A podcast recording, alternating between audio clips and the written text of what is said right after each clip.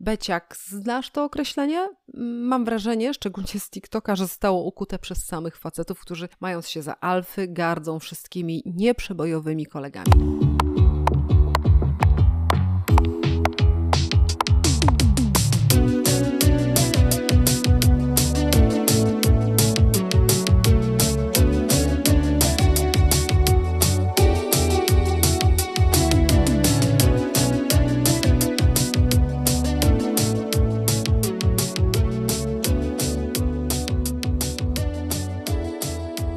Dyskryminacja i wykluczenie, ale kogo? Pierwsza myśl to, że będzie to kolejny kawałek o tym, jak trudno nam, kobietom, przezwyciężyć bariery stworzone przez patriarchat, co jest faktem. Ale nie, nie dziś. Ja mam dziś zamiar pochylić się nad rzekomą, domniemaną, faktyczną dyskryminacją facetów.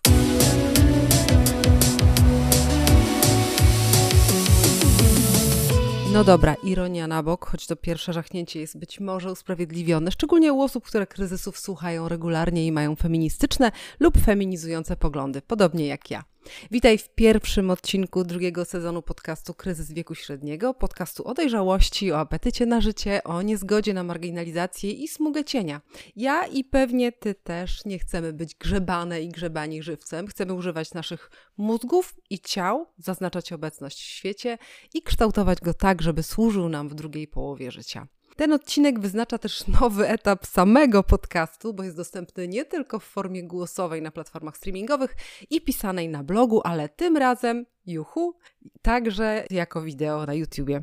Kto chciałby zobaczyć, jak poce się przy nagrywaniu, zapraszam. Wracajmy jednak do naszej dzisiejszej zagwostki dyskryminacji i wykluczenia mężczyzn. Czy sprzeniewierzę się co radykalniejszym słuchaczom i słuchaczkom, prosząc teraz o przyjęcie tezy, że feministyczne klapki na oczach szkodzą wszystkim? Pozwól mi przynajmniej głośno się zastanowić, czy coś, ewentualnie co jest na rzeczy. Na 20-20 parę minut spróbuję odsunąć perspektywę kobiety, albo może wzbogacić ją o spojrzenie mężczyzn i na męskość w dzisiejszym świecie. No ale co babka po pięćdziesiątce może powiedzieć na ten temat? Dla słuchaczek i słuchaczy, którzy teraz pomyśleli, what the fuck, jestem tu dla rozmów o dojrzałości i kobiecości, szybka klaryfikacja. Mam coś do powiedzenia jako była żona samca alfa i przepraszam tutaj mojego byłego za nazywanie go samcem alfa, bo żaden samiec alfa nie lubi być nazywanym samcem alfa, ale po prostu tak mi szybciej. Jako matka dwóch młodych mężczyzn, którzy dopiero co wystartowali w dorosłe życie i mimo feminizującego wychowania mają swoje własne poglądy i spostrzeżenia. Jako przyjaciółka i koleżanka facetów o bardzo różnych osobowościach, od takich bardzo korzystających z męskocentrycznego porządku, aż po wrażliwych sprzymierzeńców kobiet. Myślę, że mam coś do uporządkowania w temacie męskości, stojących przed nią wyzwań i problemów. I w ogóle zwróciliście uwagę, że męskość jest rodzaju żeńskiego? Ciekawe, freudowsko ciekawe. Wiadomo, że patriarchat trzyma się mocno, pieruńsko mocno. Wiadomo, że żeby kobiety w naszym regionie osiągnęły podobny do mężczyzn status ekonomiczny, prawny i społeczny, potrzeba jeszcze 107 lat. 107 lat. To oznacza, że ani my, ani nasze córki nie mamy szans na doświadczenie pełnej równości. Uzasadnione jest zatem głośne mówienie o naszych prawach, walka z systemowymi ograniczeniami, powszechna edukacja feministyczna, no ale niestety w naszym bąbelku informacyjnym tak bardzo pasjonujemy się odbijaniem tego, co nasze, że prawie zupełnie straciłyśmy z oczu szerszy obraz. Ja sama tak, bije się w pierś. Sama wdawałam się nieraz w emocjonalne utarczki z manosferą, głównie na TikToku, gdzie różne skrajne koncepcje mają swoje zatwardziałe obozy i łatwo wdać się w naparzankę w obronie swoich jedynie słusznych poglądów. I tak, wiem, media społecznościowe nie sprzyjają otwartej dyskusji i szukaniu wspólnych obszarów, bo wiadomo, że najlepiej klika się konflikt i drama. Ja, taka inteligentna, taka oczytana, pod wpływem adwersarzy tylko okopywałam się na swojej barykadzie, próbując ich przekonać, zamiast zrozumieć. No, ale na szczęście zawsze jest czas na poprawę. Tym kawałkiem właśnie próbuję zrozumieć i Ciebie też do tego zachęcam.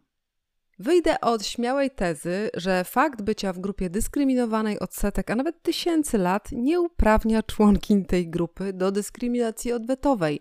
A niestety widzę sporo skrajności w postawach wśród kobiet. Od wszyscy faceci to przemocowcy lub i debile, poprzez trzeba ich zmanipulować, żeby osiągnąć swoje cele, matrymonialne, ekonomiczne, you name it, aż po takie nasze biologiczne przeznaczenie. Stoimy niżej od mężczyzn i trzeba się z tym pogodzić w imię wyższych celów. Jeśli pominęłam jakieś istotne postawy, to proszę uzupełnij je w komentarzu do tego odcinka. Czy mężczyźni odpowiadają na nasze zarzuty rzeczowo i merytorycznie? Oczywiście, że nie. Są tak samo jak my ludźmi, ze swoimi brakami, przekonaniami i emocjami, które tylko podgrzewają atmosferę i utrudniają dogadanie się. Więc na jednym biegunie mamy tych, którzy krzyczą, że powinno się przywrócić stary porządek, gdzie kobiety znały swoje miejsce, oczywiście niżej na drabinie społecznej, spełniały swoje z góry wyznaczone role, a mężczyznom się zwyczajnie należało. I z nich łatwo nam się śmiać i wytykać ich palcami jako jaskiniowców, ale na drugim biegunie mamy tych, którzy podsuwają alarmujące dane. I ja teraz te dane przytoczę, nie będę nic parafrazować. Polska jest w światowej czołówce, jeżeli chodzi o samobójstwa i 80% z ogólnej liczby samobójstw popełniają u nas mężczyźni. Polacy żyją średnio 8 lat krócej niż Polki. Mężczyźni stanowią większość, jeżeli chodzi o wypadki przy pracy, bo to jest aż 63%.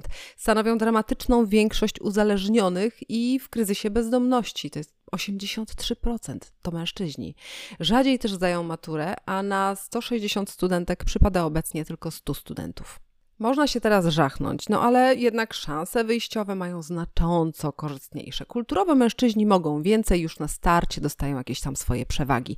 No i jednak jako dorośli ludzie sami wybierają ścieżkę życiową i profesjonalną, prawda? Więc jak się komuś nie chce korzystać z darmowej bądź co bądź edukacji, to sam jest sobie winien. Kobiety odrabiają te lekcje pilnie i widać zmianę. Jeszcze nie w pozycji i zarobkach, ale we wzroście kompetencji i w nastawieniu już tak.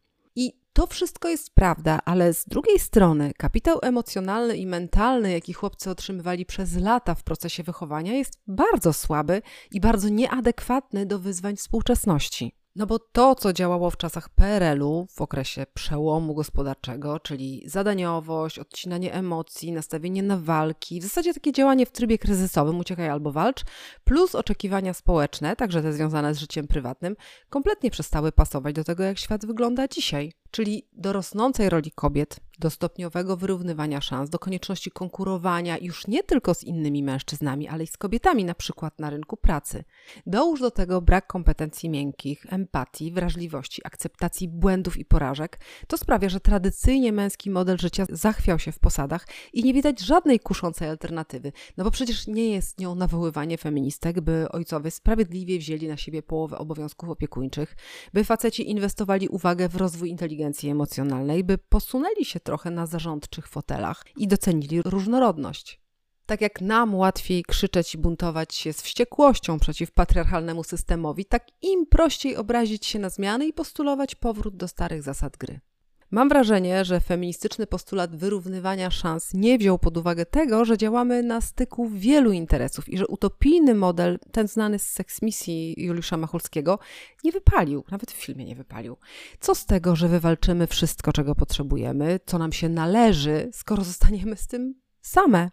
Nie będzie dla nas partnerów, nie będzie towarzyszy, nie będzie, no właśnie, różnorodności, którą odmieniamy teraz przez wszystkie przypadki bo różnice będą się pogłębiać. Już teraz dysproporcja między wykształconymi Polkami i Polakami jest niepokojąca. Czy naprawdę dziwi w tej sytuacji radykalizacja facetów?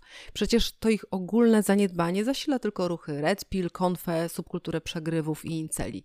Nie uwzględniając mężczyzn w feministycznych zmianach, nie włączając ich w proces, antagonizując się coraz bardziej, my kobiety strzelamy sobie w stopę. Brak oferty to jest w ogóle ciekawa sprawa. Mnie samą gdzieś tam wkurza myśl, że nie dość, że jestem stratna jako przedstawicielka płci żeńskiej, bo na przykład luka płacowa to w Polsce ciągle 20%, to jeszcze faceci, którzy zębami trzymają się starego porządku, oczekują, że zorganizuję im jakąś trzecią satysfakcjonującą opcję. Czy mam na to siłę? Czy mam na to przestrzeń? No właśnie. Ten temat oferty ostatnio mocno ściął mi w głowie i uświadomiłam sobie, że takiej oferty nie było właściwie nigdy, że w czasach mojej młodości i wcześniej raczej nikt nie miał roszczeń. Trzeba było zacisnąć zęby i albo wydrapać pazurami to, czego się chciało, albo zaakceptować to, co dawało życie. Nikomu w głowie się nie mieściło, że ktoś jest komuś coś winien, dopiero bardziej świadome rodzicielstwo i ten kompensujący nasze niedostatki model wychowania od przełomu milenium gdzieś tak, zaowocował oczekiwaniami, że ktoś o ludzi zadba, coś im wymyśli, podsunie rozwiązania, z których oni wybiorą optymalne dla siebie. A kiedy to się nie dzieje, to jest lament. Nie chcę bronić tamtego systemu, raczej dzielę się taką refleksją, że trudne czasy faktycznie tworzą twardych ludzi, a lekkie miękkich i że to też ma wpływ na to, jak funkcjonujemy w poszczególnych pokoleniach. Ale wracając do głównego wątku, dlaczego znowu my, kobiety ogarniaczki, stereotypowo przedstawiane jako dobrze zorganizowane, empatyczne, skłonne do koncyliacji, dlaczego my mamy znowu wyręczać chłopów, no po prostu służyć im w znalezieniu takiego modelu funkcjonowania, który nie zsyłałby ich na radykalny margines? No dlaczego to jest znowu na naszych barkach? No dlaczego? Ktoś wie? Bo nie chcemy powrotu płciowej nierównowagi, bo nie chcemy radykalizmu, bo potrzebujemy facetów, tak jak oni potrzebują nas, bo chcemy, żeby nasz kraj był rządzony przez mądrych ludzi, w tym mężczyzn, i przy okazji idź na wybory w październiku. Bo chcemy, żeby w debacie publicznej ścierały się światłe umysły, niezależnie od płci, bo chcemy, żeby nasze heteroseksualne córki mogły wybierać wśród wartościowych facetów, bo oprócz przyjaciółek chcemy mieć partnerów i kompanów, których będziemy szanować i podziwiać. Jeżeli jesteś w trwałym związku, to możesz pomyśleć teraz, że przesadzam. Nadal społeczeństwo jest mniej więcej w połowie męskiej, w połowie żeńskiej. Nie ma tragicznej dysproporcji, która zagrażałaby łączeniu się w pary, tak jak na przykład w Chinach. Ale to błąd. Przyjrzyj się sytuacji uważnie, choćby dlatego, że ma ona realny wpływ na Twoich bliskich, nawet jeżeli nie masz dzieci. Z uwagi na tragiczne statystyki, które cytowałam wcześniej, pogłębia się przepaść między mężczyznami i kobietami gotowymi na zawieranie relacji. Mówi się, że niedługo 80% najlepiej wyedukowanych i najbardziej zaradnych życiowo kobiet będzie konkurowało o względy tylko 20% mężczyzn na podobnym poziomie, bo tylko tyle będzie w ich całej puli. To oznacza, że duża część dziewczyn, które wydawać by się mogło zapracowały na dobre życie, nie znajdzie partnerów lub będzie musiała diametralnie obniżyć wymagania. To oznacza także, że kolosalna większość mężczyzn będzie pogrążać we frustracji z braku szans na związek, ba, nawet na seks. Na to rozwarstwienie wpływ ma, a jakże, technologia i sposób korzystania z niej. Poznać kogoś w realu to jest nie lada wyzwanie. Sięgnij do odcinka 15 podcastu tego o eksperymencie barowym, gdzie próbowałam zrezygnować z aplikacji randkowych na rzecz prawdziwego doświadczenia. Wnioski są słabe. Więc platformy online raczej prędko nie znikną, jako że oprócz dostępu, teoretycznego dostępu do ogromnej bazy singli, dają poczucie względnego bezpieczeństwa i anonimowości. Zawsze można tylko pooglądać, można stworzyć fałszywy profil, można zniknąć raz, dwa, można odciąć osoby, które budzą w nas trudne emocje, tak, albo nam w jakiś sposób przestają pasować. Jednak badania pokazują, że używanie aplikacji randkowych szkodzi, ale bardziej szkodzi facetom. Raz, dlatego, że takie narzędzia bazują na mechanizmach działania opisanych dokładnie przez psychologię i zarabiają na stymulowaniu męskiej tendencji do polowania. No i naprawdę nie mają na celu sukcesów matrymonialnych użytkowników. Nie dość, że na takim na przykład Tinderze stosunek mężczyzn do kobiet to 80 do 20, to jeszcze algorytmy manipulują widocznością i dostępem do profili w sposób perfidny i frustrujący.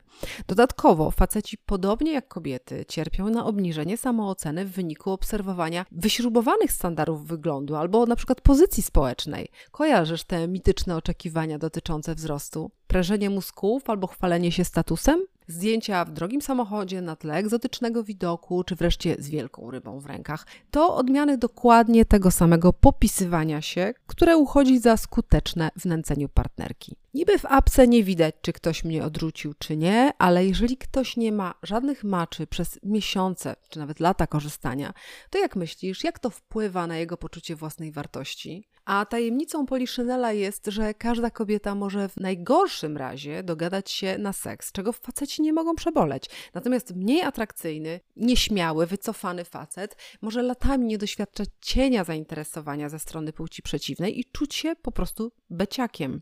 Beciak, znasz to określenie? Mam wrażenie, szczególnie z TikToka, że zostało ukute przez samych facetów, którzy mając się za alfy, gardzą wszystkimi nieprzebojowymi kolegami. Albo przez takich, którzy na kursach uwodzenia zbijają małe fortuny. Mężczyzna beta to ich zdaniem taki, który nie potrafi przewodzić, ani tym bardziej prowadzić kobiety, Taki, który nie wie, czego chce, jest niepewny, a co najgorsze, stawia kobietę na piedestale i uważa ją za, uwaga, równą sobie. Te teorie są tak absurdalnie głupie, można by o nich zrobić cały odcinek. Dopowiem tylko, że mężczyzna alfa to nie jest taki rodzaj przywódcy, o jakim mówi popkultura. Przede wszystkim w przyrodzie nie ma tak dużego procenta samców alfa, jak chcieliby góry od uwodzenia i teorii hipergami. Alfy są wyjątkami i raczej nie uczą się tego na kursach. Po drugie, samiec alfa nie wygryza samców beta, ale otacza całe stado opieką oraz potrafi przeprowadzić sukcesję władzy. Ale jakoś ta wiedza nie przenika do narracji internetowych guru. Inna ciekawa sprawa. Kobiety Anno Domini 2023 preferują jednak samców beta. Odkrycie? Przynajmniej jako stałych partnerów, życiowe wsparcie ojców swoich dzieci. Samiec beta wspiera, szanuje, komunikuje się, bo wie, że nie weźmie władzy siłą. I nawet jeżeli oglądamy się za typem macho, to zapewniam, że po kilku randkach mamy dość samozadowolenia takiego typa, bo z prawdziwymi przymiotami alfy ma to niewiele wspólnego. Napompowane ego nie czyni z faceta alfy, naprawdę.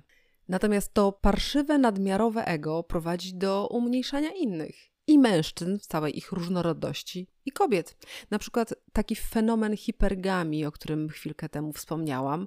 Ja dostaję nim w twarz w najbardziej absurdalnych momentach, na przykład kiedy robiłam odcinek o randkowaniu z młodszymi mężczyznami, to był zdaje się odcinek jedenasty. Hipergamia w naukach społecznych to praktyka poślubiania czy wiązania się z osobą z wyższej klasy o wyższym statusie społecznym, czy tam majątkowym. Zwolennicy teorii red pill, ci red pillowcy moi ulubieni, z pogardą zauważają, że kobiety lecą tylko na bogatych, silnych i przystojnych, nie zwracają zwracając uwagi na to, że w drugą stronę działa to tak, że oni lecą tylko na kobiety piękne, młode i zdrowe. Hm? No i w tych chwytliwych teoriach nie ma miejsca na analizę, czy to wynika z wrodzonej przebiegłości rodzaju żeńskiego, nie, nauka to obaliła, czy może z wzorca kulturowego, w którym nasiąkliśmy i nasiąkłyśmy przez tysiące lat, oraz ekonomicznego kształtu świata.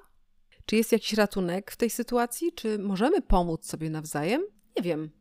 Oprócz tego, żeby się otwierać na cudzą perspektywę, żeby raczej próbować zrozumieć niż od razu oceniać, nie mam mądrej rady czy szybkiego sposobu na pogodzenie kobiet i facetów. Na pewno twarde okopywanie się na swoich pozycjach i pielęgnowanie poczucia krzywdy nie pomoże. Trudno przecież winić za wieki patriarchatu mężczyzn urodzonych w ostatnich kilkudziesięciu latach. Nie mieli wpływu na tworzenie tego systemu, nawet jeżeli są jego beneficjentami. Warto też uświadamiać, że patriarchat szkodzi wszystkim i kobietom, i mężczyznom. I jakoś nie wierzę już, że da się cokolwiek zmienić na lepsze, wrzeszcząc i tupiąc nogami. Jednocześnie mam w sobie ogromny sprzeciw przeciwko traktowaniu mężczyzn jak dzieci, przeciw załatwianiu za nich spraw albo działaniu dla ich dobra, ale ponad ich głowami. To mi trochę przypomina macierzyństwo. Do pewnego momentu jesteś wyrocznią dla swoich pociech, ale jeżeli nie spostrzeżesz się w porę, to staniesz się ich menadżerką i w jakimś sensie ich ubezwłasnowolnisz. Nabiorą takiej wyuczonej bezradności. I sama do siebie będziesz mogła mieć pretensje, że są nieporadni, Podobnie tutaj. Uważanie, że faceci to idioci i musimy teraz westchnąć, poświęcić się i poprowadzić ich za rączkę jest nie tylko przeciwskuteczne, jest cholernie pogardliwe i przemocowe. W ten sposób nie utrzymamy ze sobą dobrych, perspektywicznych relacji. Mężczyźni i kobiety muszą być autorytetami dla siebie nawzajem, bo tylko razem tworzymy sensowną jakość. Nie tylko w kontekście związków romantycznych, ale w ogóle. Jeżeli jedna strona będzie wiedziała lepiej, to nic dobrego z tego nie wyniknie. Ach, rezonuje? Nie rezonuje? Chcesz coś dodać? Polemizować? Ja zawsze chętnie. Zostaw komentarz pod odcinkiem, możemy rozwijać ten wątek w rozmowie, bo na pewno jest jeszcze mnóstwo aspektów, których nawet nie dotknęłam. Spotkajmy się po prostu na socialach. Zapraszam na moje Instagramy i na blog i oczywiście na TikToka, gdzie ostatnio znowu mi wystrzeliło, ale chyba dlatego, że ten profil jest prowokujący. No, po to, żeby obserwować nastroje społeczne oczywiście. No i właśnie stamtąd pochodzi temat kolejnego odcinka kryzysu, który będzie o duchach. Domyślasz się, o czym mówię? I oczywiście o ghostingu, ale dla odmiany w chyba bardziej wzmacniający sposób. Wzmacniający oczywiście dla osób ghostowanych, czyli porzucanych po cichu, bez słowa wyjaśnienia, bez domknięcia relacji. Czekam też na Twoje doświadczenia i spostrzeżenia w tym temacie. Pisz na maila, wszystkie linki znajdziesz oczywiście w opisie odcinka.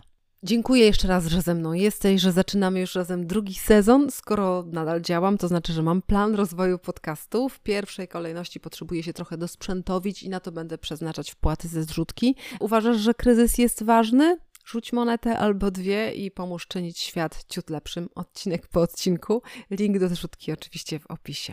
Dziękuję i do zobaczenia, usłyszenia już niedługo. Ciao!